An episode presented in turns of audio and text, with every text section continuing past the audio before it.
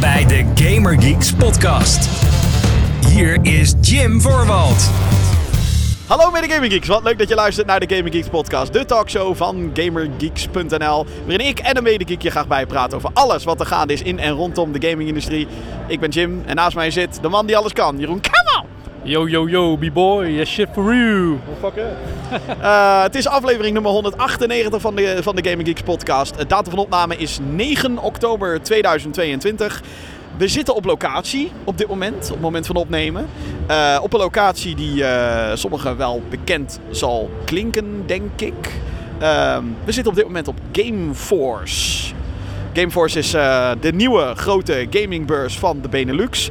Al een aantal jaar is Gameforce te vinden in België. Dit jaar zijn ze voor het eerst in Nederland. Eigenlijk ook wel een beetje als vervanging voor of een beetje, gewoon de vervanger van First Look. Maar voordat we daar dieper op ingaan, um, even de huishoudelijke mededelingen natuurlijk. Op deze podcast kan je abonneren via je favoriete podcastdienst. Zoals Google Podcast, Apple Podcast en Spotify. En een videoversie die is te vinden via youtube.com slash gaminggeeksnel. Een YouTube kanaal waar je natuurlijk op moet abonneren, want oh, er is weer allemaal nieuwe gekke content. Ik heb uh, een uh, rant gehouden over Horizon en de plannen van PlayStation, de kennelijke plannen die er zijn om die game te remaken. Ik ben het daar fundamenteel niet mee eens.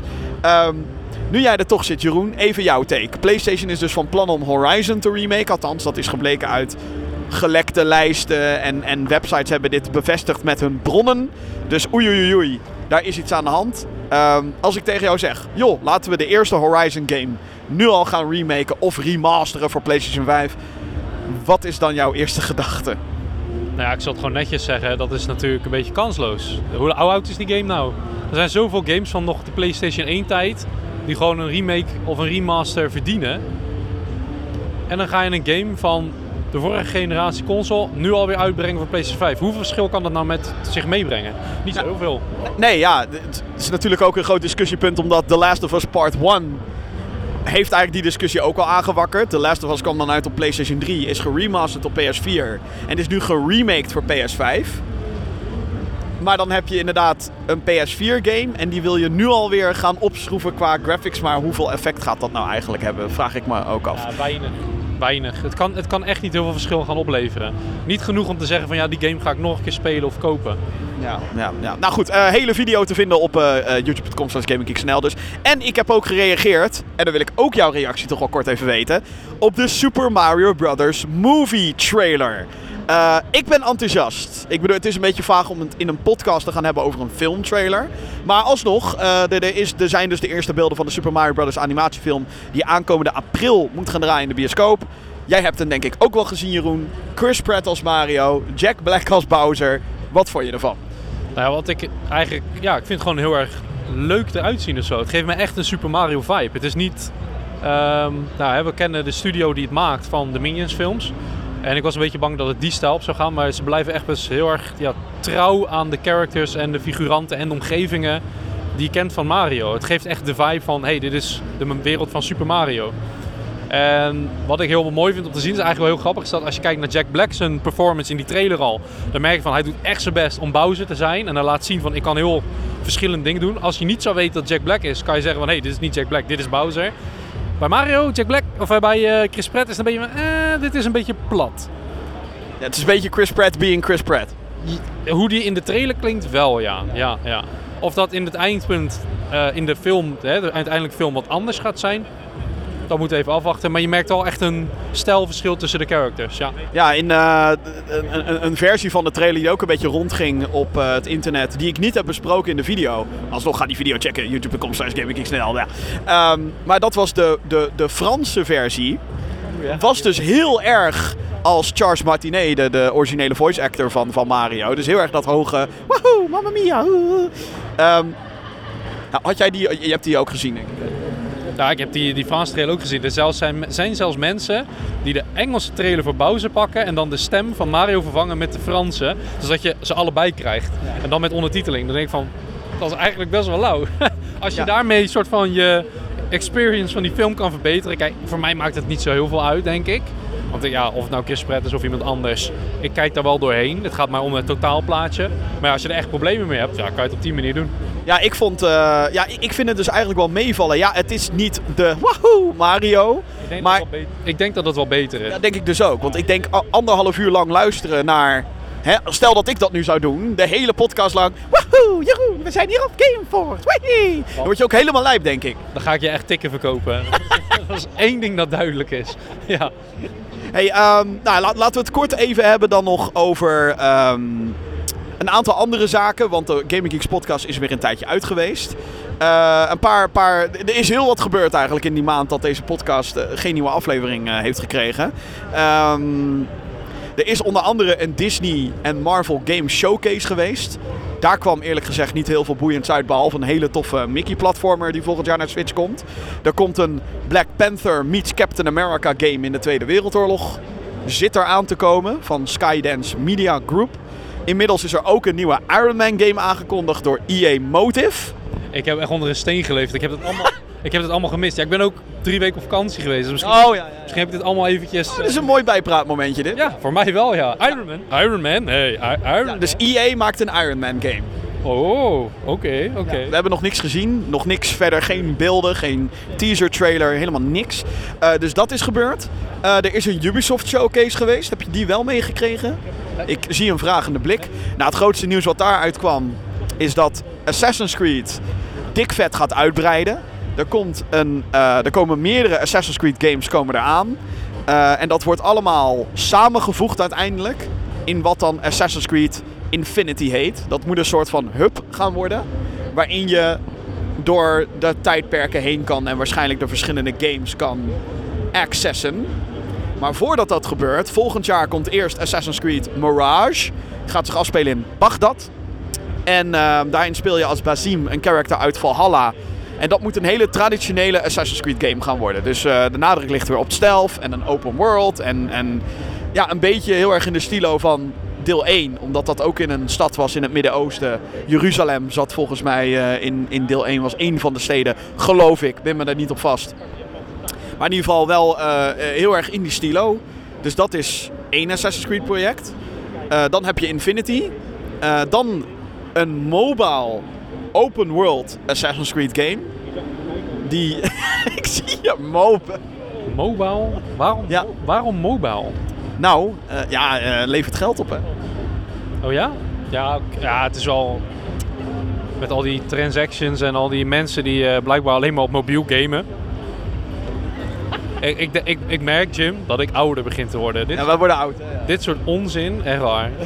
Maar eh, er komt dus, die heet Assassin's Creed Jade, althans dat is de werktitel. In China gaat het zich afspelen, maar het is echt gewoon een full 3D open world Assassin's Creed game op mobile. Wat ik dan ook wel interessant vind, dat daar specifiek een... eh, Nou ja, als, je gaat, als je gaat kijken dat de huidige telefoons sterker zijn dan een PlayStation 2 was. Dus op zich, veel sterker, denk ik. ja, dus je kan er op zich wel wat uithalen. Maar ja, als je dan weer gaat kijken naar daadwerkelijke consoles, handheld consoles, bijvoorbeeld een Steam Deck. Misschien wat duurder, want een telefoon heb je al. Ja, weet je, ik begrijp wel dat ze het doen. Maar voor mij zou het, heeft het geen meerwaarde. Ik ga dan, als ik ga gamen, ga ik er liever echt even voor zitten. Nou, dan komen er dus ook nog twee nog meer nieuwe Assassin's Creed games aan. De eerste is Assassin's Creed Red. Dat wordt een open world. Eigenlijk soort van zoals Valhalla is.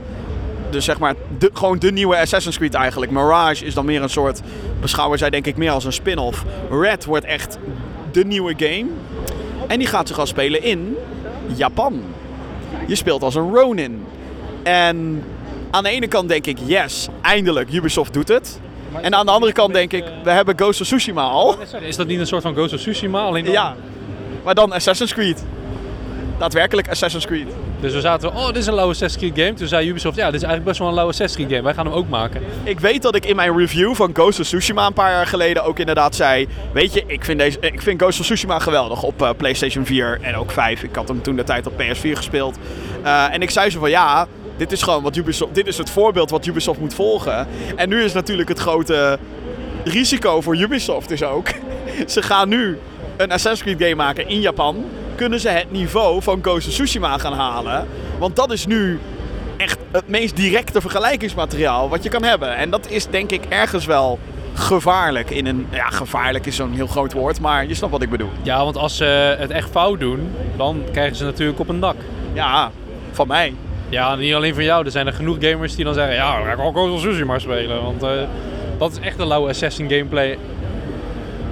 Ja, ja, ja. Eh, verder eh, komt er ook nog een Assassin's Creed met de codenaam Hexy. Het enige wat we daarvan zagen was een hele korte eh, teaser cinematic. Waarin het leek alsof Blair Witch takjes het Assassin's Creed logo vormden. Ehm, ik heb een vermoeden dat dit een multiplayer-focused Assassin's Creed wordt. Bind me er niet op vast, maar het lijkt me heel sterk dat je met zoveel projecten tegelijkertijd bezig bent. Assassin's Creed Red, wordt waarschijnlijk net zoals Valhalla daarna nog eh, ondersteund door DLC en nog een expansion. Net zoals dat we bij Valhalla nog Dawn of Ragnarok erachteraan kregen. Valhalla heeft trouwens nu ook weer eh, een, grote update gehad. Een najaarsupdate. Ehm, dus ik, dat is mijn vermoeden. Dat, dat ze, en dat zou ook goed aansluiten in dat hele Infinity Hub. Weet je wel, hier is een singleplayer avontuur, hier is Red. En dan gaat deze gang door in de Animus om eh, eh, de multiplayer. Wat, wat, wat ik wel een beetje heb is van... Worden mensen ondertussen niet een beetje Assassin's Creed moe? Er zijn er zoveel. Er zijn er zoveel. Ja, nu wordt, het, nu wordt het ineens weer echt opschalen en pompen pompen met die titels, ja. Ja, ik was al een beetje klaar naar deel 4 Black Flag. Ik dacht van ja, nu weet ik wel een beetje wat er gebeuren moet in deze games. Ik wil wel wat nieuws. Nou ja, dat is uiteindelijk wat ze hebben gedaan natuurlijk. Want na... eh, Origins. Met Origins en zo Ja. wel, is wel wat nieuws. Maar ja, nu gaan ze weer pompen. Met Ja, het probleem, het probleem met eh, Assassin's Creed nu, wat mij betreft ook. Origins was inderdaad richting de action RPG. Toen kwam Odyssey daar best wel snel achteraan. Toen, Oké, oh, weer action RPG en in Griekenland, vet. En nu bij Valhalla heb ik zoiets van, oh ja, daar gaan we weer. En het is niet heel erg, het is wel mooi en zo. En, maar het is heel van hetzelfde en nog groter en nog meer content. Maar nog meer content is niet per definitie leuke content. Ja, Ehm, soms, is het, soms is de content die erin zit dan een beetje busy work. Ja, En dat is niet altijd even relaxed in zo'n game. Nee. Eh, meer Ubisoft nieuws buiten ehm, de presentatie die, de- die ze hadden gehad om. Ook wel meteen een leuke link, want jij had het over Assassin's Creed 4. Skull and Bones. Ah, Ehm, de game is uitgesteld. het kan nog. Games uitstellen kan nog steeds. Dus als je denkt, goh, het najaar staat wel vast. Nee, absoluut niet. Alles kan nog uitgesteld worden. Company of Heroes uitgesteld. Eh Skull and Bones uitgesteld van november naar maart 2023. Ehm, en hoe lang, hoe, lang, hoe lang zijn ze al bezig met die game? Uit, uitstellen had niet eens nodig geweest. Mensen waren hem al vergeten. Dus ja, Eh, negen jaar. In totaal. weet je, soms dan vergeet ik dus hoe snel de tijd gaat. Dan zit ik te denken van vroeger terug. Dan kreeg er er een game uit. dacht ik, oh wat leuk. En nu hoor ik dan, eh, de zoveelste serie in die game komt uit. En denk ik van, maar degene die ik speelde, dat is alweer 10, 20 jaar geleden. Zo, oh man. En hier ook 9 jaar of niks. Negen jaar. Of niks is, 9 jaar aan een game werken. Ja, ik, heb, ik heb het al vaker gezegd in de podcast ook. Skull and Bones is een, een van de grootste mismanagement projecten ooit. Denk ik in de geschiedenis van Ubisoft. Eh, hoe dat inderdaad in godsnaam negen jaar kan duren. Want kritisch gekeken, het is gewoon de Assassin's Creed 4 bootmode. Maar dan uitgebreider. En, en dat is het. dat is de game. Ik mag dus ook gewoon echt hopen dat ze nu in deze tijd er ook dingen aan toegevoegd hebben. Dat het meer is dan alleen maar die bootmode. Dus ook qua, Ja, dat is het. ja, qua customization misschien, qua, Ja, ja, ja. qua levelen. Dat je echt wel een heel in-depth systeem hebt om je schip uit te breiden. Ja, nee, je kan je schip uitbreiden. Eh, je kan er andere zeilen aangeven. Je hebt allemaal verschillende type kanonnen die je kan equippen. Het probleem alleen voor mij is, dit kon ook allemaal al in Assassin's Creed 4. Ja, is- ik, ik begrijp er niks van. Ik begrijp niet dat ze daar een hele game op maken. Je moet er echt veel meer mee gaan doen. Dat mensen denken, ja, dit is, dit is het waard. Eh, verder, wat is er nog meer gebeurd wat we gemist hebben in de tussentijd? Eh, ook toen jij op vakantie was. Er is een Nintendo Direct geweest. Eh, ja, dat is wel be- best wel een big deal. Nieuwe Pikmin komt eraan, Pikmin 4. Ja, Pikmin we gezien. Zelda. Z- The Legend of Zelda Tears of the Kingdom. Ja. Jij hebt Breath of the Wild veel uitgebreider gespeeld dan ik. ja, ik heb hem uitgespeeld. Ik heb hem uit- Uitgespeeld. Ja, ik heb, eh, ik heb hem genakt hoor, de bels. Ja, ja. Eh, Ben jij hyped voor Tears of the Kingdom? Eh, mei, in mei komt hij naar Nintendo Switch. Dat is lastig. Aan de ene kant ja, want ik heb echt plezier gehad met eh, Breath of the Wild. Maar aan de andere kant, ik heb geen haast bij. Het is niet dat ik heb van, eh duur lang jongens, kom op maar. Ik heb nu al... Oude Nintendo heeft ook zijn tijd genomen ja, met deze game. Jeetje. Eh, Ik hoop eigenlijk bijna stiekem dat er een 4K of een 1440p versie van uitkomt met een eh, Switch Pro erbij. Dan eh, doe ik het daar wel eh, op spelen. Nou, wordt tijd, het wordt echt tijd, Nintendo, voor een opvolger van, van de Switch. Wordt echt tijd. Wat hebben we nog meer gemist? Een PlayStation State of Play is er geweest. Met heel veel Japanse titels. Mijn interesse ligt daar niet heel erg. Eh, dus ik heb er niet heel veel over te vertellen. Alhoewel ik wel moet zeggen dat The Last of the Ronin, heette die geloof ik, een Yakuza spin-off. Die overigens hernoemd wordt naar eh, The Last Dragon. Ja, zo gaat die franchise nu heten. Dus het heet geen Yakuza meer, maar The Last... Och, nee, wacht. Zo heet die... Jawel. Hoe heet die nieuwe Yakuza game? Hè? Zoek jij het even op, Jim. In de tussentijd gaan wij het hebben over waar we nu zijn. nee, ik wacht wel even op je. Ik wacht wel even op je. Dragon, Dragon. Like a Dragon. Sorry, ik dacht al, dat klopt Waarom niet wat ik zeg. Waarom hebben, ze, waarom hebben ze die naam veranderd? Nou, dat is dus de grap. In, eh, volgens mij is het in Japan staat het altijd al bekend als vertaald Like a Dragon. Maar toen dachten ze, toen Yakuza 1 hier naartoe kwam, nou laten we de game gewoon Yakuza noemen. Want daar gaat het allemaal over. En nu met die nieuwste game, eh, die Like de eerste Like, wat dus eigenlijk Yakuza 7 is, maar wij kennen hem hier als Yakuza Like a Dragon. dat wordt steeds verwarrender. Eh, maar toen dachten ze, ja, waarom hernoemen we de franchise niet gewoon naar Like a Dragon hier? Dus er komt een spin-off van. Die zag er best wel tof uit. Een action-adventure. Ja, met, met, met samurai zwaarden en zo. Maar je merkt al, mijn, mijn commentaar is eh, beperkt. Ja, ja. Ik heb ook weinig te zeggen over Yakuza. Ik heb die games nooit gespeeld. Nee, ik ook niet. Dus eh, of het nou Like a Dragon heet of eh, Yakuza, ja, dat kan me echt aan mijn kont eh, roesten. Oh, nou, nou, nou, nou, nou, nou, nou. Nee, maar als mensen het leuk vinden, dan vind ik het helemaal prima. Maar ik heb nooit met dat soort games wat gehad. Dus Oké, laatste puntje van aandacht voordat we naar de locatie gaan waar we hier zitten. Moeten we het ook over hebben. De grote lek. GTA 6. Oh, ja, ja. Ik heb er expres niet naar gekeken. Nee, niet. Nee, ik heb wel eh, de controverse en zo eromheen gehoord van, oh, wat ziet het er lelijk uit. En dat mensen zeiden, ja, maar eh, een game, waar beginnen ze met de graphics? Ja, ja. En dat alle developers eh, dingen gingen delen van, nee hoor, dit is het begin en dit is het einde. Dat, dat je dat ziet. En ik denk ook van, ja, dat mensen zich op zoiets, zoiets in ontwikkeling zich een mening laten vormen, dat vind ik echt dat ik denk van, nou, dan kan je best zo goed een sketch tekenen en zeggen, dit is het. En dan, Ja, even, even, even ter context. Ehm, een, eh, kennelijk een 17-jarige gast is ingebroken bij Rockstar, digitaal gezien. Heeft daar allerlei builds en hij claimde ook source code te hebben van GTA 4, 5 en 6, die in ontwikkeling is. Ehm, en heeft daar weet ik hoeveel beelden van online gezet. Die beelden werden best wel snel ook meteen weer van YouTube en alle andere mogelijke social media, zoals Twitter en Reddit en weet ik wat allemaal, werd het eraf geflikkerd. Waardoor je eigenlijk ook gewoon weet dat het echt is. Want dat is natuurlijk de eerste grote vraag die je stelt als zoiets online komt. Want er zullen genoeg YouTube-filmpjes zijn met oeh, GTA 6 gameplay. Very, really real. En dat is dan bullshit. Maar dit was echt. Ehm, ik heb het ook gezien. Of althans, ik heb het wel gezien. Een paar, niet alles. Want er waren echt... was zoveel footage was er online gezet. Dat is echt bizar. Ehm, ik vond het eigenlijk... Ik vond het wel tof eruit zien of zo. Het is Red Dead Redemption 2 in een modernere setting eigenlijk qua interactie. En er waren... eh, wat ik bijvoorbeeld had gezien was een scène in een... In een, een eh, hoe noem je zo? Een diner. Waarin, eh, je dan, eh, waarin het main character dan naar binnen liep en mensen op gunpoint hield. En dan zag je hè, iedereen reageren en heel veel interactie. Dus dat vind ik vet. Ik, dat is ook een beetje wat ik hoopte van GTA 6. Is dat het eigenlijk gewoon GTA 5 wordt, maar dan met meer interactie in de wereld. En ik denk ook dat dat een beetje ehm, waar we met de next gen naartoe moeten gaan. We hebben snellere processoren, we hebben betere videokaarten. Laten we die dan ook op een manier benutten. Zodat het niet alleen maar ja, laat ik het even heel lullig zeggen, PS4 games zijn met een mooier uiterlijk, een mooier jasje eromheen. Maar ehm, ook dat is gebeurd, GTA 6 lek. Zijn er nog andere dingen? Ik denk dat we er dan wel een beetje zijn qua Overwatch? Oh, Overwatch 2. Ja, ja wil, wil je het over Overwatch, wil je het Overwatch 2 hebben? Ja hoor, doe maar. Overwatch 2 is er. Eh vorig, Dat is het. ja, dat is het. Ja, eh, op het moment van opname vorige week eh gereleased. Ehm, Overwatch. Ja, het is, wel, het is eigenlijk best heftig. Je had het net al over. Ik voel me oud. Ja, over Skull and Bones negen jaar geleden. Maar Overwatch. De launch van Overwatch. Is dus ook al 6,5 jaar geleden. Hè? Het is echt het is heftig als, je erover, als ik er althans over nadenk. En, en weet je nou het meest heftige is? Is dat je op een bepaald moment de aankondigingen van deel 2 ziet.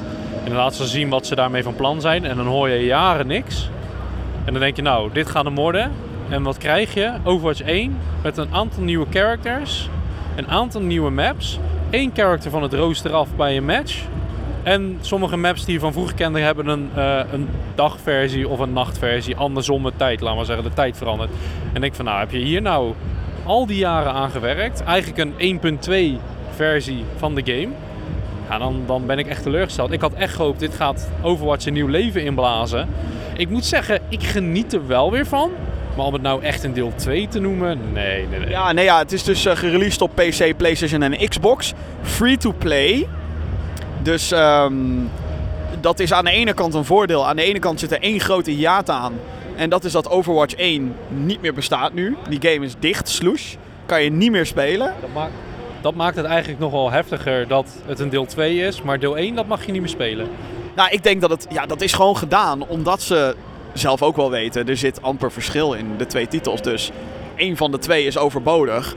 En als je dan inderdaad naar een free-to-play model gaat... en je wilt zoveel mogelijk mensen naar één game lokken in de hoop dat daar het meeste geld in wordt gespendeerd, dan moet je natuurlijk iedereen door één deur heen weten te krijgen. Ja, wat jij daar zegt, lokken, dat is het niet meer. Het is forceren. Je wordt het eigenlijk je strot ingedouwd. En dat is het. Je hebt geen keus. Ja, maar ik wilde graag met zes mensen. Nee, nee, nee. Overwatch 2 is de enige en de echte versie die gespeeld Eigenlijk hadden ze die twee gewoon weg kunnen halen. Gewoon Overwatch. Want we kunnen nog heel goed herinneren, bij uh, Heroes of the Storm had je ook een 1.0 versie. En toen deden ze een 2.0 release. En dat was gewoon een, een geoverhalde versie. Maar daar waren ze altijd eerlijk over. En hierbij was het, nee, nee, dit is deel 2. Met een co-op, met dit, met dat. En wat is er van terechtgekomen? Jack shit. ja, nee, is wel waar. Ja, nee, op dit moment is het inderdaad heel teleurstellend. Het is Overwatch 1. Er zijn wel drie nieuwe characters. Hè, er zijn een paar nieuwe maps. Ik vind die push mode. Er is een nieuwe mode. Uh, daar zitten de meeste nieuwe maps ook in. Um, ja, push mode is er nu. Dus dan gaat een robot. Die staat in het midden van de map daar, moet je mee gaan lopen en die pusht dan een objective. En als het enemy team jou vervolgens van de, van de objective weet af te slaan als het ware, dan gaat de robot, sprint hij weer terug naar het push-object van de enemy team. En dan gaat hij dat weer pushen. Dus een soort van wie kan er het verste komen. Het is toch gewoon een fancy way om touwtje trek te spelen? Ja, nee, dat is het. Ja, nee, dat is het. Maar dan in Overwatch, ja, ik vind het wel leuk. Ja, het is wel leuk, maar om het nou heel erg groundbreaking te noemen... Nee, dat, dat, dat doe ik niet, hè. Nee, nee, nee, maar voor al die jaren werk en dit is het enige waar je mee op kon zetten... Ja, dat verdient een mager zesje. Nou ja, ik ben inderdaad gewoon teleurgesteld dat de co-op er niet in zit. Want er zou een hele co-op story campaign zou er uitkomen met Overwatch 2. Dat is waar het mee gemarket werd toen het werd aangekondigd ook. Van hé, hey, dit is de sequel en we gaan nu echt een verhaal met deze characters meemaken. Want we hebben een campaign. En nu is Overwatch 2 er. Het heet geen beta, het heet geen early access. Nee, ze noemen het gewoon Overwatch 2. Ehm, en dat is het. En dan hebben we het nu nog over het feit dat wij nog enigszins hebben kunnen spelen. Maar er zijn ook heel veel momenten de afgelopen week geweest dat we gewoon niet hebben kunnen spelen. Servers overbelast. Ehm, server connection errors. Dan zit je een half uur te wachten in dat inlogscherm. Dan ben je binnen, denk je. Dan wil je gaan spelen en na twee minuten word je eruit geknikkerd. Ja, dat is echt... En je zou misschien zeggen, oh dat komt omdat het zo druk is op de servers. Maar zoveel buzz omtrent Overwatch is er nou ook weer niet. Dus ik ben er ergens niet van overtuigd dat het een beetje à la een World of Warcraft expansion is of zo. Of, of wat is een drukke release? Ik weet het niet eens meer. Ik denk dat ze gewoon hebben gedacht van nou, dit is hoeveel mensen we gaan krijgen, zoveel service kopen we in en that's it. En nu zijn het er soms wat meer, hebben ze wat pieken en denken ze ja, maar ja, in de rustige momenten zitten we er zwaar onder, dus we gaan niet uitbreiden, ze wachten maar gewoon lekker. En ik ja, jammer. jammer. Ja, ja, maakt, de ervaring er niet, maakt de ervaring er niet beter op. Nee, nee het is een beetje een, uh, ja, een dud van, van Blizzard alweer. Dit, dat hele trouwens, dat hele vervangsituatie, dat doet me dus aan één ding denken.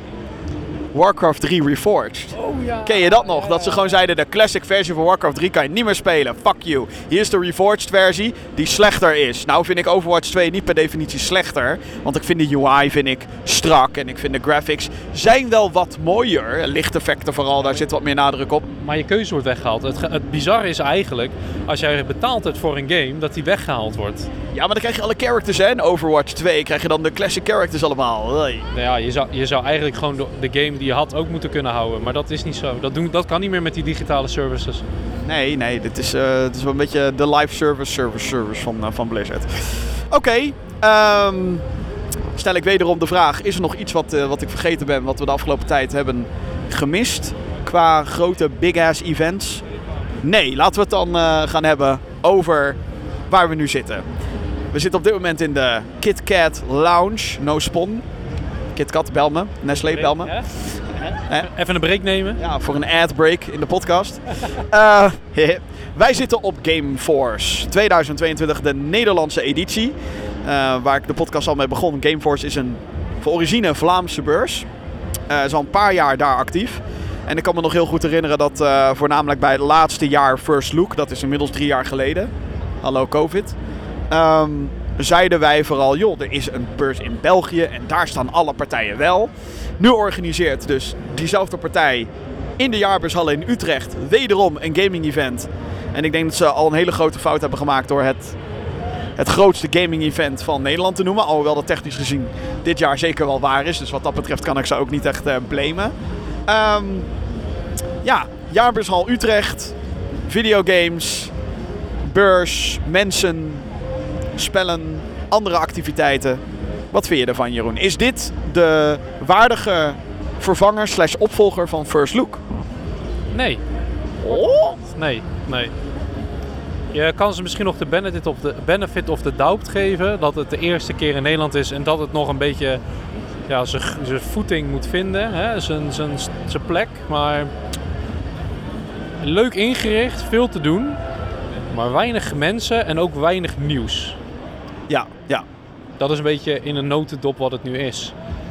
Ehm, ja, ik vind, het, ik vind het lastig. Want ik ben niet negatief. Niet negatief ingesteld. Maar ik merk toch dat ik wel een klein beetje teleurgesteld ben. Ja, ja ik heb het, ik heb, eh, we zitten een beetje op dezelfde lijn, merk ik. Want ik, ehm, ik hou de industrie natuurlijk best nauw in de gaten. Ik ben naar Gamescom geweest. Daar waren de vorige twee podcasts, die kwamen van Gamescom af. En met name bij Gamescom merkte gewoon dat de industrie in een soort herstelfase nog zit van corona. Te weinig demo's zijn er af. Eh, heel veel partijen lieten het afweten op Gamescom. En dus laten heel veel partijen het ook afweten op dit soort evenementen. Want ja, als er geen Call of Duty stand is op Gamescom, waarom, waarom zou er dan in godsnaam een Call of Duty stand op een Benelux beurs, of in dit geval echt alleen een Nederlandse beurs staan? Als je daar logisch over nadenkt. Dat, dat is er dan niet. Ehm, dus ik, ik zit daar een beetje mee. En die smoes had, hadden ze natuurlijk niet op First Look 2019. Andere organisatie, ander evenement, I know, maar het is wel gewoon dezelfde strekking. Ehm, en dus is vergelijken wat mij betreft ehm, daar wel echt een ding. Even voor duidelijkheid, First Look is er volgens mij niet meer. Ik weet niet of ze ooit nog een comeback gaan maken, maar als ze er dit jaar niet meer zijn, dan acht ik die kans persoonlijk klein. Eh, ik heb daar geen navraag naar gedaan, dus don't add me. Uh, ofwel, voor verduidelijking, dat vind ik prima. Ehm, kijk, in First Look 2019, dat was pre-corona, wat ik al zei. En daar waren er gewoon... Hè, als je daar gaat promoten met dit is de gamebeurs en uh, speel de nieuwste games, weet je wel, dat, dat, daar werd natuurlijk ook mee rondgegooid. Dan moet je wel aan die belofte voldoen. En ook dat werd, die term werd helaas ook voor Gameforce gebruikt. En ik vind dat je daarin wel heel erg voorzichtig moet zijn als je een lokaal evenement, of nou ja, landelijk evenement blijft het. Maar hè, als, je, als je zoiets organiseert, vind ik dat je daar echt voorzichtig mee moet zijn. Want als je inderdaad gaat zeggen, joh, de nieuwste games, dan verwacht je de najaarsline-up op een Gameforce. Of een First Look vroeger, nu Gameforce. Um, en wat dat betreft is er niet heel veel. Nou is in alle eerlijkheid de najaarsline-up wat betreft games is ook een beetje karig. Hè, er werd verwacht dat er veel meer uit zou komen dan wat, wat er nu daadwerkelijk uitkomt. Hogwarts Legacy naar volgend jaar. Uh, Stalker 2 naar volgend jaar. Dat heeft natuurlijk ook te maken met serieuze wereldomstandigheden. Oekraïne. Uh, maar ook Starfield uitgesteld, Redfall uitgesteld. Nou ja, ik, ik kan alle uitstelgevallen kan ik op gaan noemen. Dan zitten we over drie uur nog. Uh, dan gaat de beurs dicht. dan is hij al dicht. Er zijn alle stands al gesloopt. Um, maar het is, tegelijkertijd is het een, een, een, status van de industrie waarin nog heel terughoudend wordt gedaan over het showcase op events. Waar, waarop, ja, en dat merk je ook gewoon. aan, aan, dit. Maar komt dat omdat ze nu gewend zijn dat het ook allemaal online kan en dus goedkoper? Of is dat gewoon dat ze het even weer gewend moeten worden? Ik denk dat het met beide gevallen te maken heeft. Ik denk dat development achterloopt, vandaar dat alles nog steeds wordt uitgesteld.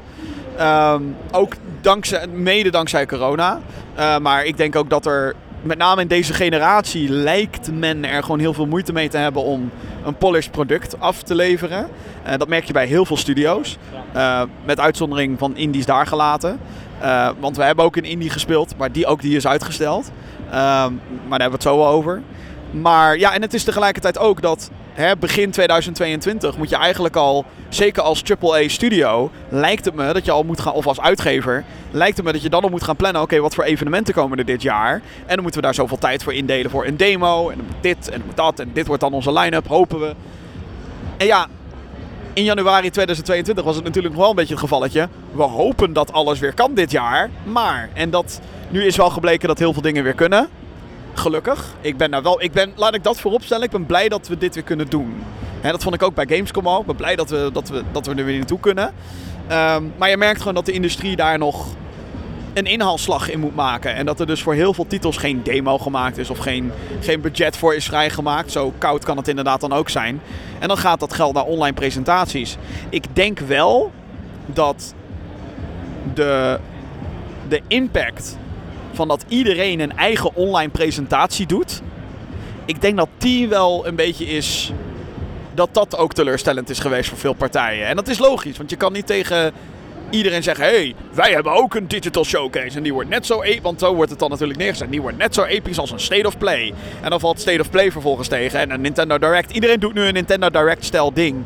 En daarom is het nu juist wel fijn dat je gewoon ergens naartoe kan. En dat je zegt: oh hey, een videogame die je kan spelen hier demo uh, uitproberen. Kijk, digitale demo's zijn natuurlijk nog het allerbeste. maar... Dat het, weer, het kan ook zijn dat het weer iets gaat worden waar ze even de tijd voor nodig hebben inderdaad om weer gewend aan te raken, om weer in de planning mee te nemen.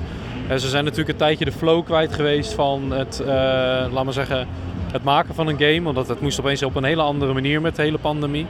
Dus ja, ik kan best geloven dat het weer wat moeite kost om die flow weer hetzelfde slash aangepast terug te krijgen. En dat je dus nog niet alles op dezelfde manier weet te regelen. Maar het duurt al wel weer eventjes dat we weer redelijkerwijs normaal kunnen leven en aan de slag kunnen. Dus ja, het ook continu uitstellen van games, dan vraag ik me af, ja, wat gaat er dan mis? Wat gaat er dan mis in de productie dat de deadline die je zelf stelt weer niet gehaald kan worden? Dan, dan, dat heb ik al eens eerder gezegd, volgens mij was het toen met Cyberpunk. Dat je een keer een teasertje doet is prima. Maar ga dan niet drie jaar van tevoren zeggen, hey, deze game komt eraan. Nou ja, hou gewoon je even je, hè, je keutel in.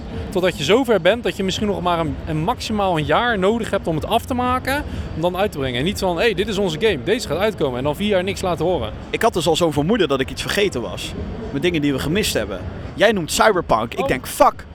Uh, CD Projekt Red van Cyberpunk 2077 heeft namelijk een aantal nieuwe projecten aangekondigd. Allemaal met codenamen. Uh, eentje daarvan is de nieuwe Witcher, die we eigenlijk al wisten dat die gemaakt werd door het interne team van CD Projekt Red. Die komt eraan. Er komt nog een ander grootschalig Witcher-project aan van een third-party studio. We weten niet welke. Uh, er komt een wat kleinschaligere game aan van uh, een studio die CD Projekt Red een tijdje geleden heeft overgekocht. Dus dat wisten we eigenlijk ook al. Ze zijn bezig met een nieuwe IP. Een eigen IP, want The Witcher is gebaseerd op boeken en Cyberpunk is gebaseerd op een bordspel. Of een tabletop game, sorry. Ja, ik weet dat ik sommige mensen daarmee beledig als ik zeg bordspel, maar whatever. Uh, en als laatste, misschien wel het meest shockende nieuws. Um, er komt volgend jaar een expansion van Cyberpunk. Wisten we al, wisten we ook al een tijdje. Maar ze zijn bezig met een sequel op Cyberpunk. Cyberpunk Orion. Ja. Dat is de codenaam. Ja. Jouw eerste reactie daarop, Jeroen, come on. Remember, no pre-orders. Dat is mijn eerste reactie geweest. Gewoon leuk. Simba, remember. Simba, remember. Ja, nee, maar gewoon niet doen. Gewoon niet doen. Lekker afwachten. Hetzelfde met, uh, met The Witcher. Ik ga wachten. Ik wil eerst de reviews zien. Ik wil eerst de gameplay zien. En dan ga ik wel eens besluiten of ik hem ga kopen. Maar ik ga niet meer uit van hun marketing. Dat geloof ik gewoon niet meer.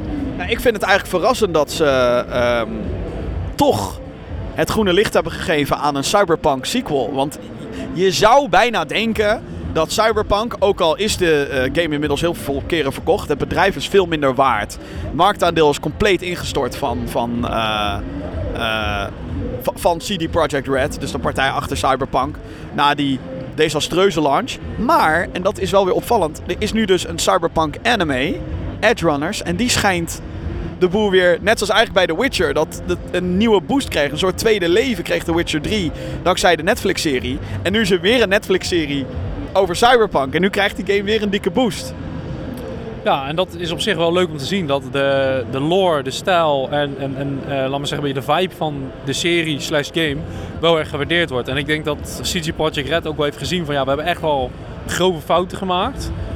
En ik hoop gewoon dat ze dus met die, dat vervolg een beetje ja, het vertrouwen terug willen winnen. Om te laten zien van nou, hè, we, we gaan weer opnieuw beginnen. We gaan iets lauws maken. En ik hoop dat ze het gewoon wat kleinschaliger doen. Maar daardoor wel meer detail in die wereld kunnen brengen qua AI en characters, et cetera. Kijk, dat dat niet meer kan in deze game of in de eerste Cyberpunk. Ja, dat is niet zo gek, want die engine is helemaal klaar. Om nou die hele engine te gaan overhalen lijkt me lastig. En we moeten natuurlijk ook nog wachten op de expansion die volgend jaar komt. Wat daar nog eh, in gaat zitten en uit gaat komen. Tuurlijk, maar je kan de grootste eh, engine-based problemen wat de AI betreft, kan je bijna niet meer 100% aanpassen. Dus misschien willen ze dat met het vervolg doen om toch de, de cyberpunk wereld eh, in leven te houden. Kijk, ze zien nu, mensen willen het toch heel graag. En ik hoop gewoon dat ze dit zien als een soort van eye-opener om er toch wat goeds mee te gaan doen. Ik denk sowieso dat die hele launch van Cyberpunk voor eh, de higher-ups... Mag toch hopen dat dat een gigantische eye-opener is geweest. Van ja, je moet gewoon geen game die niet af is gaan launchen. Stel het dan inderdaad nog maar even uit. Maar lieg er ook niet over. Dat ook. Oh my god, ja, motherfuckers. Oké, terug naar eh, Gameforce. Eh, want we hadden even Cyberpunk, die kwam er even doorheen. Ehm, de games die er... Oké, laten, we- laten we... de- wat valt er allemaal te doen? Want hè, we hebben het over dat er echt het een en ander ontbreekt. Ik denk dat Gameforce heel blij mag zijn met Focus Entertainment. Die hier is met Goat Simulator, A Plague Tale Requiem en Evil West. Ik heb het al in de vorige aflevering van de podcast gezegd.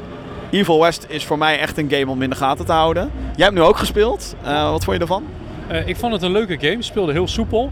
Ik vond hem de grafisch niet zo heel lekker uitzien. Er waren wat dingen... eh, hè, de game focuste wel een beetje op gore. Van je schiet monsters kapot. Ik moet ook wel zeggen dat het volgens mij niet op de hoogste setting stond hier. Dit waren natuurlijk wel... Het was de Gamescom demo. Maar ja, echt op van die mini-PC's. Wat eigenlijk wel heel indrukwekkend is om te zien dat zo'n mini-ding ook zeg maar die game kan draaien. Maar ik denk toch dat de settings... Maar dat denk ik hoor. Misschien herinner ik me het ook verkeerd. Want bij Gamescom zag het er echt veel beter uit dan eh, hier.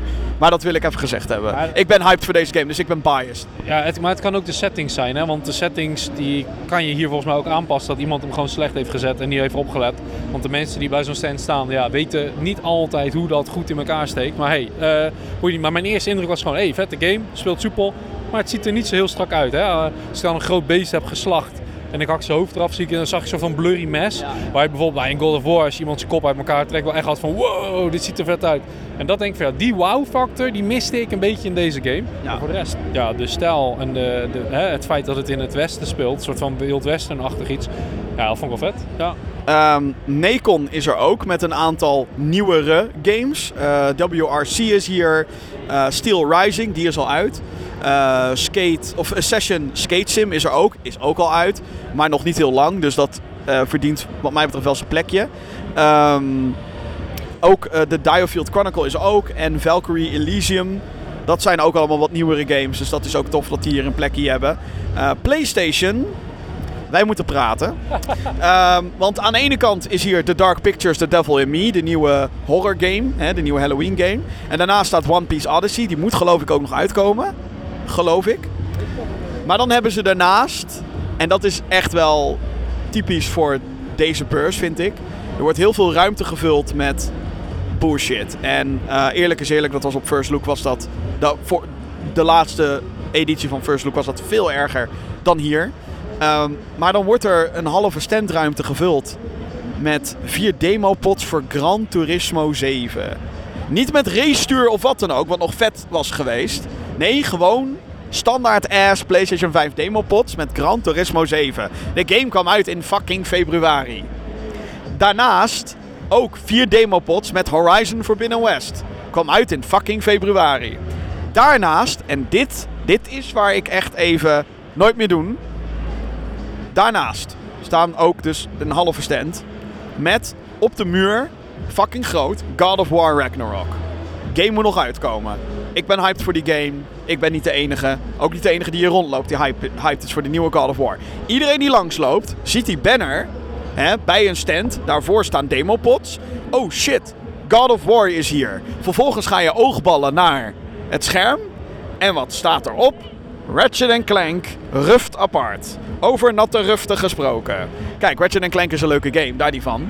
Maar Ook al, ook al eventjes uit. En als je dan, anderhalf jaar. als je dan zo'n poster ziet van, oh vet, God of War. En er is geen God of War. stonden zelfs twee van die, van die kartonnen cutouts van The Boy en Kratos. En dan draai je je om en het enige wat je ziet is Ratchet Clank. En dan denk je van, waarom dan, waarom dan die poster? Waarom dan die banner? Waarom dan die cutouts? Ergens anders staan volgens mij ook nog een paar demopods met Sackboy. Dat ik ook denk, wat de fuck? Sackboy? Waarom is dat hier? Like, ruimte vullen. En... Ja, wat een waste. Ik, ik, kan daar... Ik kan daar heel slecht tegen op de een of andere manier. Dan denk ik, joh, Last of Us Part 1 is misschien net uit.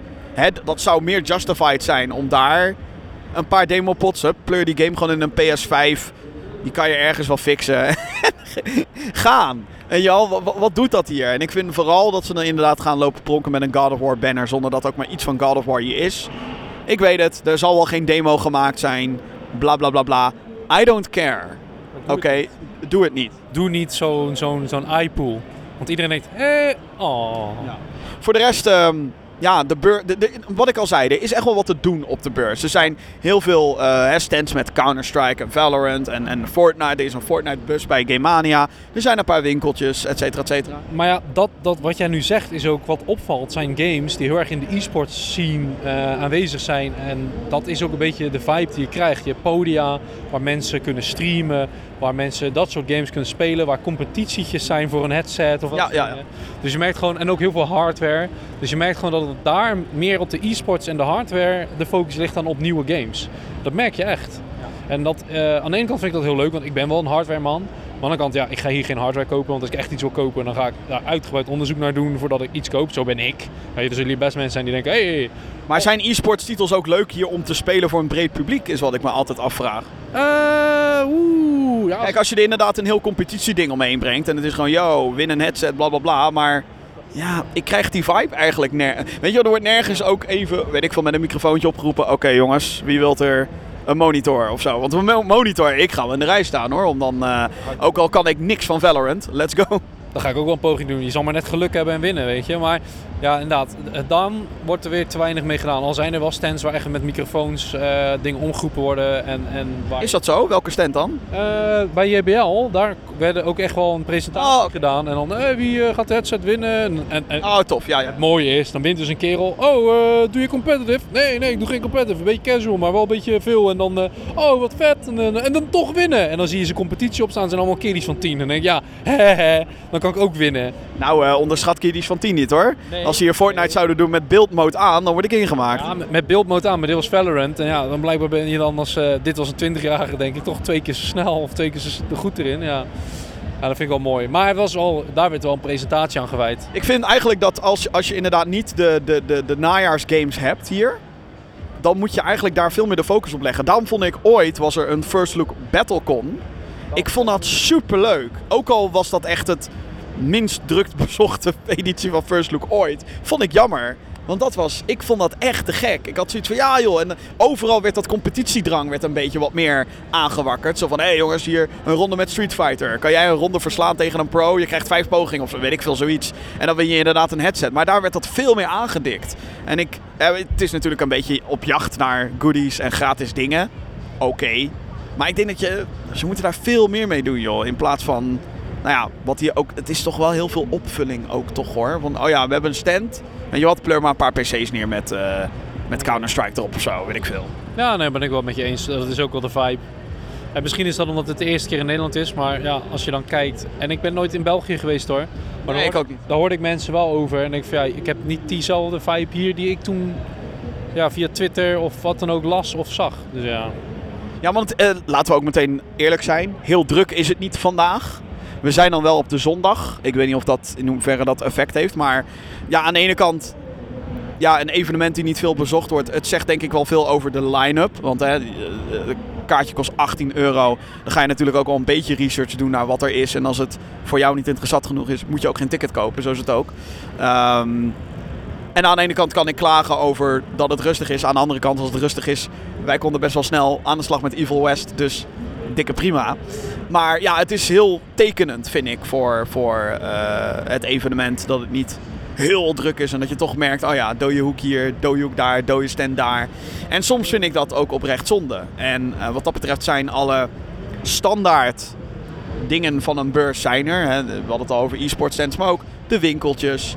Uh, een retro hoekie met, met een aantal oude consoles wat leuk is voor de novelty. zeker als je jongere, hele kleine kinderen met een PlayStation 1 ziet spelen.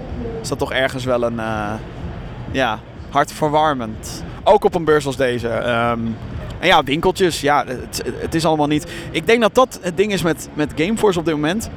We zitten ook niet in de grootste hal van de jaarbeurshallen. Hoeft voor mij ook allemaal niet. Als je toch, niet, hè, als je toch de vulling niet hebt, moet je ook niet in een tering grote hal gaan zitten. Maar ik mis wel het grote, het, het epische feeling. Die heb ik niet. En ik weet niet exact waar dat aan ligt. Kan zijn aan de, nou überhaupt gewoon de grote, maar ook natuurlijk de, de, het gebrek aan grote najaarstitels. Is dat het? Wat is jouw feeling? Ik vind het lastig. Ik vind het lastig. Als je, gaat, als je gaat kijken, de indeling van de zaal is wel goed. Zal er niet groter moeten gaan, want dan had je veel meer leegruimtes gehad. Het had misschien zelfs nog iets kleinere zaal mogen zijn. Eigenlijk ja, hè? Ja, ja dan is het allemaal wat... Dan, ja. had je, dan had je misschien wat meer die epische proporties gehad. En aan de andere kant, wij zijn ook wel verwend, hè? Wij hebben ook wel dingen gezien al. Ik, heb games, ik ben Gamescom gewend, jongens. maar, maar, daarom, dus soms moeten we dat ook even niet vergeten. Dat als je hier voor het eerst zou komen, voor het eerst iets zou meemaken, dan heb je misschien nog wel die wow-factor. Al is het niet heel druk. Wat ik ook trouwens niet heel erg vind dat we een keer op een normale manier kunnen gamen. Maar ik vind het wel voor de standhouders soms een beetje flauw. Dat je niet meer animo krijgt. Niet de liefde die je verdient. Nee, nee. En ik denk dat uh, een partij die uh, liefde verdient, vrienden van de show, is uh, Team Reptile. Team Reptile is hier. Zijn eigenlijk zo. Holy shit, er ging even een. er werd even een mic drop gedaan hier op de main stage. Ehm, die overigens, ook, ook, dat trouwens, even, even nog tussendoor. Er is een theater. Ik heb alleen maar lege stoelen gezien bij dat theater. Ik heb alleen maar, ik heb alleen maar iemand via de deur staan waar ik door denk van ook oh, mag niet naar binnen. Nou, dan ga ik, ja. ga ik niet vragen ook. Nee, precies. Nee, dat is echt heel, uh, heel kut is dat. Maar terug naar Team Reptile. Um, die staan hier met uh, twee games. Twee. De eerste is Lethal League Blaze, een titel die al een aantal jaar uit is. Wij houden van Lethal League Blaze. Um, ik weet dat jullie dit haten als ik dit zeg, Team Reptile. Sorry. Maar toch om het een beetje de game te omschrijven. Super Smash Brothers, maar dan met een bal. Dus je moet een bal keihard slaan en als je daar je vijanden mee raakt, dan... Uh... Misschien, vinden ze het leuker, misschien vinden ze het leuker als je het uh, agressieve pong noemt. Ja, waarschijnlijk. Ja, ja. maar dan kleurrijk en met characters die hun eigen abilities hebben en zo. Hele, en, uh... hele, vette, hele vette styling ook. Ja. En muziek. Ja. ja, je merkt toch wel weer, elke keer als Lethal League ergens is, of het nou de eerste is, nou het is nu de tweede, Blaze. Um, maar elke keer als ze er zijn op nou ja, een Indigo, een First Look of Gameforce. Dan weet ik, dan moeten wij met z'n allen, in ieder geval uh, met, met, met het Gamer Geeks ploegje, moeten we dan even een potje doen. Want het blijft leuk. Maar uh, die Gamecube controllers keur ik niet goed, hè? Terug naar de, terug naar de Xbox controllers. Oh? Ja, daar speel ik veel lekkerder op. Nu kon ik er niks van. Het is wel zo, hè, Team Reptile. Jullie haten het als ik Lethal League vergelijk met Smash Brothers. Maar neem dan ook geen Gamecube controllers mee. Hè? Dan vraag je er een beetje om. nee, alle, gek, alle gekkigheid op een stokkie. Ze zijn hier ook met hun nieuwe game. Want Team Reptile is al een paar jaar bezig met een, uh, met een ander spel. Genaamd Bomb Rush Cyberpunk. Um, sorry, wederom vergelijkingen. Maar denk Jet, uh, Set Radio meets Tony Hawk een beetje. Dus het is een open wereld game. 3D. Waarin je dus trucjes moet doen en combo's moet maken. Um, in een, in een cel-shaded stijl, die dus heel erg doet denken aan Jet Set Radio. Echt wel een beetje die vette stijl van, uh, in dit geval Lethal League. Daar lijkt het heel erg op. En ja, toen ik die game zag, dacht ik, ja, dit is een gym game. Ja, ik, had, ik heb er zin in. Maar ook met de vergelijking Tony Hawk, Pro Skater, meets Lethal League, meets vette shit. Dus ik dacht van ja, dit is echt een gym ding. Ja, de game eh, komt volgend jaar uit. Ik had het eerder over een indie-partij die ook hun game heeft uitgesteld. Dit is degene waar ik naar refereer. Het zou eerst dit jaar uitkomen, wordt nu de zomer van 2023. Uh, ach, Team Reptile kan dat makkelijk hebben, denk ik. Want Lethal League, eh, dat eh, is in ieder geval als een speer gegaan. En eh, ook al zal dat nu waarschijnlijk een beetje, eh, eh, ja, hè, want er komen ook geen grote updates meer uit voor Lethal League. Maar alsnog, heel veelbelovend project. Dit is ook een project die door de internationale pers wordt opgepakt. Als zijnde ook spiritueel vervolg op. Ehm, maar het speelt wel heel anders dan Jet Set Radio. En het speelt ook heel anders dan Tony Hawk. Kijk, in Tony Hawk ben je gewend dat je een trucje doet. En je doet daarna nog een trucje als je dat redt in je sprong. En dan is het, oh, de kickflip doet eh, 100 punten. Je grab truc doet 200 punten. Dus dat is 300 keer 2. Want je doet twee trucjes. En in Bumrush Cyberpunk is die score in ieder geval anders. Daar moet je echt andere dingen doen, zoals grinden. Je kan sturen tijdens het grinden. En als je stuurt in Tony Hawk tijdens het grinden, dan flikker je er vanaf. Hier heb je niet echt een balancing ding. Het is hier gewoon hoe lang kan je je combo volhouden. En als je mee gaat sturen met de grind, met de bocht mee, dan krijg je een multiplier. Je een wall ride, dan krijg je een multiplier. Dus daar zit, eh, het werkt allemaal net wat anders om echt die hoge scores te halen. En trucjes zorgen gewoon voor meer punten. Dus dat vind ik wel eh, eh, leuk hoe ze... Ja, aan de ene kant, als je, het, als je het speelt, voelt het vertrouwd. Dat je denkt, oh ja, trucje, trucje, trucje, springen, hè, ollie. Ehm, je hebt trouwens freerunnen, skaten, dus inline skates, de skateboard en de fiets, de BMX. Dus dat zijn vier... Ja, ja, Dat is wel vet, dat wist ik niet. Ik Ja. dacht echt alleen skate of zo, ja. Ja, nee, het is eh, een mengelmoes van alles. En je hebt ook verschillende characters. En de ene heeft de fiets en de andere heeft de skateboard. Ehm, dus ja, dit, dit is, het is wat je gewend bent, maar dan met een, met een iets wat andere twist. En de stilo is wel leuk. Het enige wat ik eh, de heren wel zou aanraden is als ze nog een demo doen. Doe een iets wat meer gestreamlinede demo. Dat je ook echt een opdracht krijgt, krijgt van een character. Hè, doe dit. En, eh, Eh, wat meer A naar B. Dat je wat minder aan het zoeken bent. Want dat hoorde ik jou ook zeggen. Van, ja, ik ben echt aan het zoeken naar mijn missie. En dat kon je niet vinden op dat moment. Ja, precies. Dus het, het is zeg maar ook op een beursvloer. Ik weet natuurlijk ook, ik sta op een beursvloer. Ik sta een beetje, oh, ik ben eigenlijk deze game aan het spelen. Maar op een gegeven moment denk je dan toch, oké, wat moet ik doen? Hè, ik, ik wil even iets, iets van een doel hebben. En dat, eh, nou, dat kreeg ik op een gegeven moment aangewezen dat ik 50.000 punten moest scoren. Eh, bijna onmogelijk, want er zit een bug in. Maar goed, het kan gebeuren. Maakt niet uit. Ehm, maar nou, ze zijn zich er van. Klein, klein, klein steekje. Nee, nee, nee. Het is niet bedoeld als steekje. Nee, nee, nee. Maar ik redde het niet. Dus ik voelde me toch wel een beetje mijn... eh, Oh, blame it on the bug. Ja, ja, ik blame het on the bug. Maar goed, dat, eh, het- was geen game-breaking bug. Het was een combo-breaking bug, letterlijk. Maar goed, whatever. Dat, dat terzijde. Ehm, heel veel zin in deze game. Ik ben gewoon heel erg benieuwd. De stilo, is, wat je zei, is vet. Ehm, het, het, ja, het is gewoon een veelbelovende indie-game. En het is fijn dat we er daar weer eentje van hebben. En dat dat uit Nederland komt. En dat ze dan ook besluiten om eh, hier de eerste proving ground eigenlijk te hebben. Dat was een Tony Hawk reference.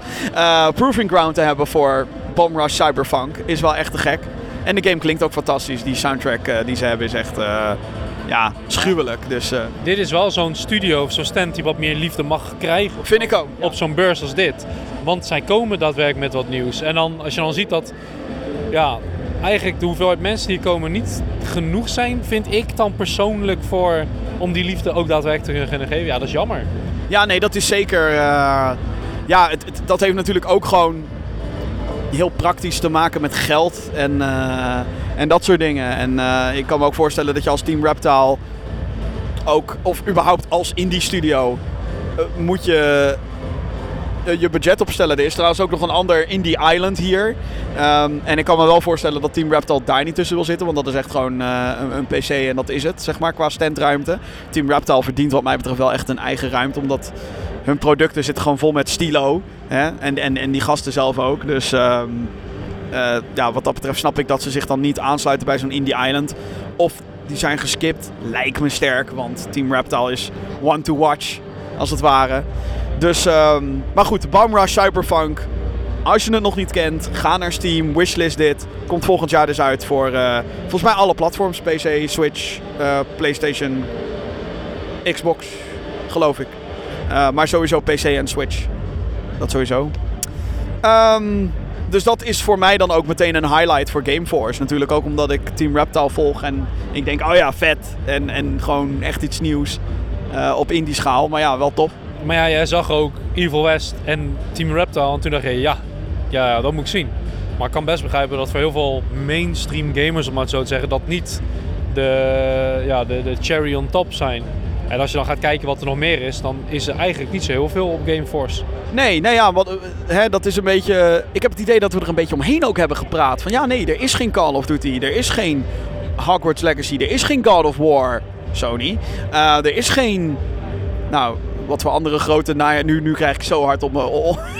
de comment sectie op YouTube gaat nu volstromen. Met hoe durf je dit te skippen en hoe durf je dit te skippen. Maar inderdaad, was het een heel gek idee geweest om hier iets van Overwatch 2 te hebben? Ik denk het niet. Ja, de servers die liggen overhoop. Dus misschien is dat, zo, is dat van tevoren een goede afweging geweest. Ze, ze hebben hier wel leuke experiences, hè? Met, van, Jazeker, met VR-brillen en echt simulatoren om te racen.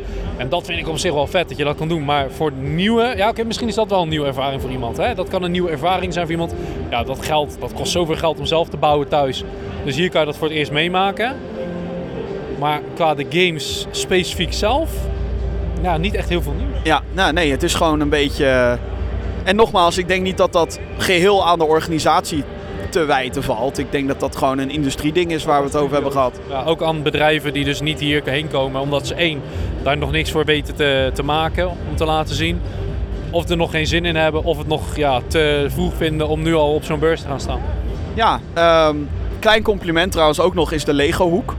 Oh. Vond ik ook grappig. Er wordt een soort van eh, eh, schilderij gemaakt waarbij iedereen een stukje moet maken, als het ware. En ook een Lego game, die Lego Super Smash Brothers clone. Slechte game, jongens, hou toch eens op. Maar goed, whatever. Het, het, het is er en het past bij de geek-cultuur, denk ik dan maar zo. Dus dat soort dingen, er zijn wel, en dat probeerde ik eerder ook al te zeggen, er is echt wel wat te doen, weet je wel. Het is niet alsof, omdat er geen nieuwe games zijn, dat je hier de pleuris verveelt. Het is alleen ja, een, een dagvullend programma is het niet. Dat niet, denk ik. Ik denk ook niet dat wij tot het einde hier binnen zullen zijn. En Nee, wij zitten hier nu al een uur te lullen. Nou, hoe lang zijn we al bezig met deze podcast? Nou ja, hè? Het is, hè? wij gaan nu een uur vol praten. Ja, ik heb nou niet zoiets van, oh shit, een uur lang hier zitten, oh jee, ik moet dingen doen. Want ja, binnen, binnen, binnen een kwartier ben je- heb, je, heb je alle stands in ieder geval gezien. En nou is dat een soort, hè, de, als je ergens alleen maar rondloopt, heb je heel snel alles gezien. Maar ook qua dingen die ik inderdaad moet doen. Ja, ik wil Coach Simulator nog spelen, want die heb ik op Gamescom gemist. Maar ja, dat, is nog een dingetje dat ik denk, oh ja, geinig. Ehm, dus nogmaals, ik denk dat de organisatie heel blij mag zijn met Focus Entertainment. Dat ze die game hier hebben, samen met Up en met eh, eh, Evil West. Ehm, Gameforce 2022. Wat is jouw conclusie? Ehm, en wat moet er gebeuren? Eh, Komt er een volgend jaar en wat moet er dan gebeuren? Eh, Gameforce 2022, een leuke opening weer van een gamebeurs in Nederland of in de Benelux. Ehm, veel potentie, veel mogelijkheden. Leuk bedacht, leuk ingericht, maar het mag nog wat meer focus of een focus doen op e-sports of een focus doen op nieuwe games. En dan hopen dat die er ook daadwerkelijk zijn om te tonen. Voor nu is het nog eh, te groots opgesteld, te grootse passie misschien. Want hè, wat je zegt, de grootste gamebeurs van. Ja, het is het technisch gezien wel, want we hadden helemaal niks dit jaar. Technisch gezien wel, maar ik vind het niet fair om te zeggen, want vergeleken met wat we gewend zijn, en niet alleen wij, maar ook mensen in Nederland specifiek, kan het grootser en beter. Ja, ja. Maar eh, om ze te verdedigen, is de eerste keer in Nederland, kan ik begrijpen dat je voorzichtiger inzet op wat je neerzet en hoeveel je uitgeeft aan een zaal en aan de rest. Ja, ja nee, ben ik eigenlijk volledig met je eens. Ik, eh, ik denk dat de industrie zelf gewoon nog heel erg achterloopt. En dat je daardoor de organisatie niet alles kan verwijten van wat er niet is. Ehm, ik weet dat ik dat tien jaar geleden over First Look... Jezus, wat zijn we oud. Maar tien jaar geleden over First Look zat ik dan wel eh, te bitchen op de organisatie. Terwijl ik weet, inmiddels weet ik beter... Hè, je kan zeggen waar de fuck is Nintendo, maar dan moet Nintendo zelf ook wel willen en kunnen. En iets te showen hebben. En goed, Nintendo was er ook al niet op Gamescom, dus dan kan je zelf ook wel die berekening maken dat ze ook niet hier met nieuwe games zijn, bedoel ik dan in dit geval. Hè. Ze zijn er wel met een Animal Crossing stand, maar Daarom denk ik wel goed als we even gaan nadenken over de focus die ze willen doen op het moment dat dus die partijen zeggen wij komen niet. En dat je dus inderdaad het gaat ra- draaien op competities, zoals jij zei met een Battlecon. Ik denk dat zoiets als Gameforce zich daar ook best wel goed voor kan eh, lenen. Eh, zeker omdat ik zie dat er toch best wel animo is. Hè? Het is niet heel druk, maar er zijn echt wel mensen die dit interessant vinden en leuk. En als je daar wat meer een eh, interactieve ervaring van maakt. Hè? Mensen echt ah, inter- interactie met elkaar laat opzoeken. En met de stands en met competities. Ja, ja, dan Ja, ja. zie ik wel mogelijkheden. Ik zie wel mogelijkheden. Ja, ik denk dat als de industrie, want E3 komt volgend jaar ook weer terug. Als dat weer een beetje het ouderwetse is, zeg maar. Dus dat het echt weer een groot festijn wordt met nieuwe games en alle partijen zijn aanwezig. Er worden weer E3-demo's gemaakt. Hoe meer E3-demo's er gemaakt worden, hoe meer kans dat er is dat die ook op Gamescom zijn. En hoe meer kans er dan is dat die ook naar lokalere evenementen zoals ehm, Gameforce en DreamHack Rotterdam kunnen komen. Want die is er ook nog. Die is er volgende week, DreamHack Rotterdam. Ehm, ik Ik, ga ik kan me herinneren dat Dreamwerk, de laatste keer dat wij gingen in Rotterdam, 2019. echt heel vet was. En ik ben echt heel benieuwd of ze die standaard kunnen overtreffen of hetzelfde houden. Want hetzelfde zou ik al prima vinden. Maar meer is natuurlijk altijd beter. Eh, conclusie over Gameforce wat mij betreft. Ja, dit is een, als je kritisch kijkt naar wat hier om ons heen gebeurt, is het karig. Is er, hè, je bent zo klaar inderdaad. Afhankelijk van je interesses natuurlijk, maar dat blijft altijd. Eh, maar daar moet je wel rekening mee houden. Dan vind ik ook 18 euro voor een ticket heftig. Dat is natuurlijk ook de factor die erbij komt kijken. Ik zou dan juist als je wat kleinschaliger gaat, maak de prijs wat kleinschaliger. Ook zodat men wat meer bereid is om hier op de stand wat uit te geven. Want ik, ik vind ook, jongens, jezus, wat was het? 7,50 euro voor een motherfucking broodje kaas. Ik weet het, het past bij het evenement, Jim. Dat kan de organisatie. Nee, ik weet het, maar fuck dat. En dat bepaalt het evenement natuurlijk ook niet. hè? Nee, nee, dat, dat, wil- dat zeg ik ook net. Maar ja, ja, ja het, het is gewoon. Kom op. Eh, dus, dus, en ik weet het, jaarbeurshallen is ook duur. Maar je hoeft niet per se in de jaarbeurshallen te zitten. Dat vind ik ook. Je kan waarschijnlijk Gameforce had je op weet ik hoeveel andere locaties kunnen houden. Ehm, want ik weet dat de jaarbeurshallen duur zijn. En Ahoy is ook niet goedkoop. DreamHack. Ehm, maar goed, dat, eh, dat. Dus dat is een beetje onze conclusie over Gameforce. En ik denk dat we daarmee eh, langzaam richting het einde gaan van deze editie van de Gaming Geeks podcast. Ehm, ik vind het hartstikke leuk dat je hebt geluisterd. Jeroen, leuk dat jij er weer bij was vandaag. Ik vond het hartstikke gezellig. En dat maakte het eigenlijk ook wel leuk voor mij. Om met jullie, want we waren met een groepje, Klein groepje. Ja. ja, om hier te lopen en weer een keer zoiets mee te maken. En dan denk je wel terug aan de goede oude tijd. Goeie oude. Eh, ik, word, ik word al grijs. Niet gelogen. Ehm, maar ja, Oh ja, inderdaad. ja. Oh, oh, oh. Ja, de bakkenbaardjes en de baard worden al een beetje grijs. Hè? Zo, zo, zo oud zijn we. Oh, help. En, eh, maar het is wel echt weer leuk. Het is wel leuk om weer een keer met een groep op zo'n evenement te lopen. Ja, zeker.